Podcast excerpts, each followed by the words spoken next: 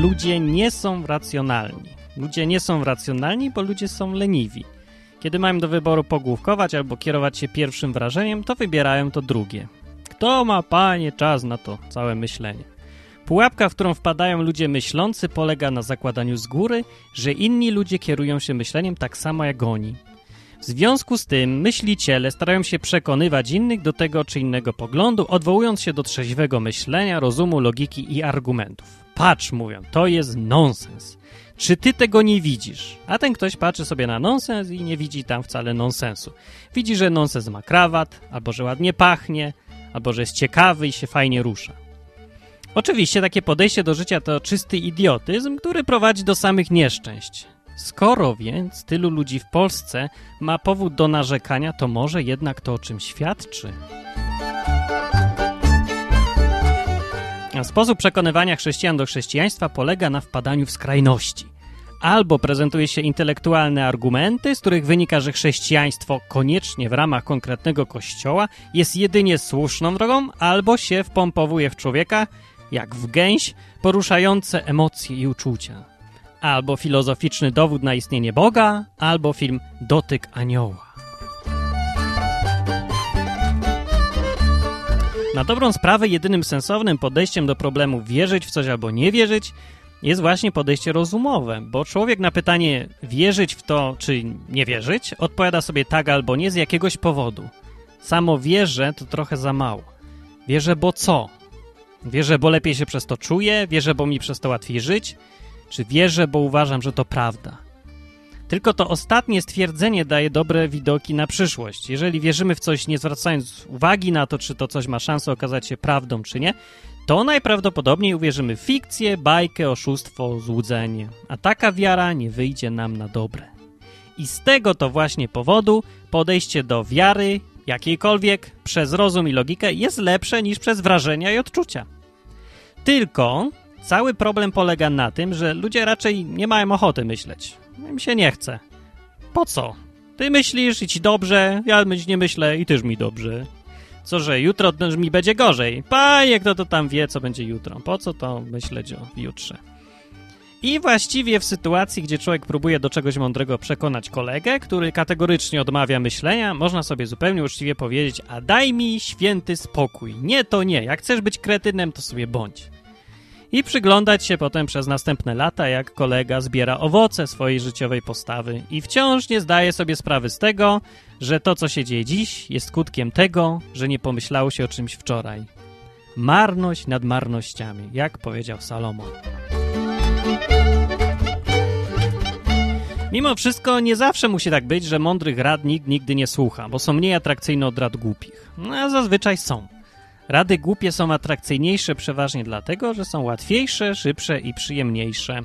Kiedy masz do wyboru uczyć się języka przez 3 lata, albo kupić sobie elektronicznego tłumacza, to tłumacz kusi bardziej. Zamiast setek godzin wysiłku i dyscypliny mamy 5 minut przyjemnego klikania na stronie allegro.pl.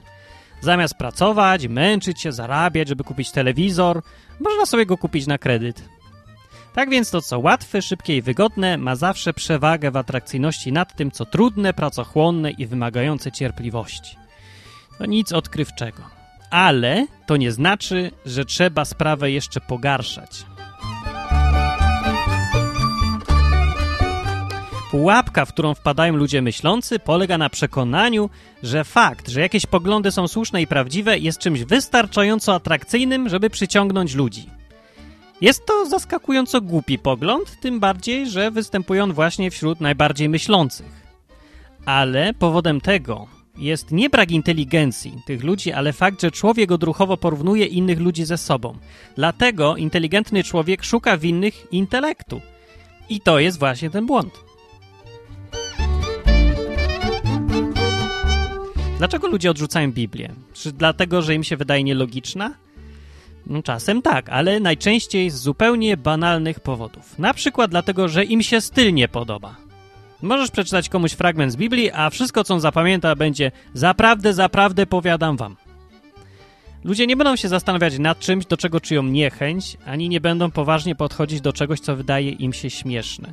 Można łatwo dobić każdą, nawet najmądrzejszą myśl, kiedy styl tej myśli będzie nie do przełknięcia. I nie chodzi tu o to, żeby opowiadać o Bogu w stylu nowoczesnym, wesołym i głośnym. Nie chodzi o to, żeby zamiast tekstu Ewangeliana w tłumaczeniu Biblii Tysiąclecia używać przekładu pod tytułem Dobra czytanka według świętego zioma Janka. Problemem największym póki co nie jest wybór stylu. Problemem jest to, żeby w ogóle był styl. Żeby był jakiś, konkretny. Problemem, problemem wśród chrześcijan, ale nie tylko wśród chrześcijan, jest to, że zwracają uwagę na treść, ale nie zwracają zupełnie uwagi na styl. Nie chodzi o to, że mówią za sztywno, za długo czy za nudno. Chodzi o to, że w ogóle nie zastanawiam się nad tym, jak mówią. I potem ktoś wyjdzie i powie coś mądrego, tylko że nie pomyśli o tym, jak mówić i do kogo mówi.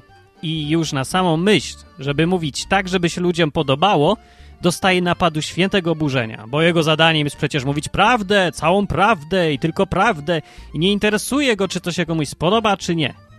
Trudno, widocznie ludzie zbyt kochają kłamstwo. No i najczęściej jest tak, że jak posiał, tak i wyrasta. Skoro jego nie interesują inni, to on też nie zainteresuje innych. I faktycznie nikt tego nie chce potem słuchać. Ale nie dlatego, że ludzie tak kochają kłamstwo, tylko dlatego, że się go nie da słuchać, bo jest przeraźliwie nijaki, siła jego przyciągania jest mniejsza niż pająka z anoreksją, a wyróżnia się mniej niż źdźbło trawy na łące. Prawda jest wystarczająco trudna do zaakceptowania dla ludzi, żeby im jeszcze to utrudniać.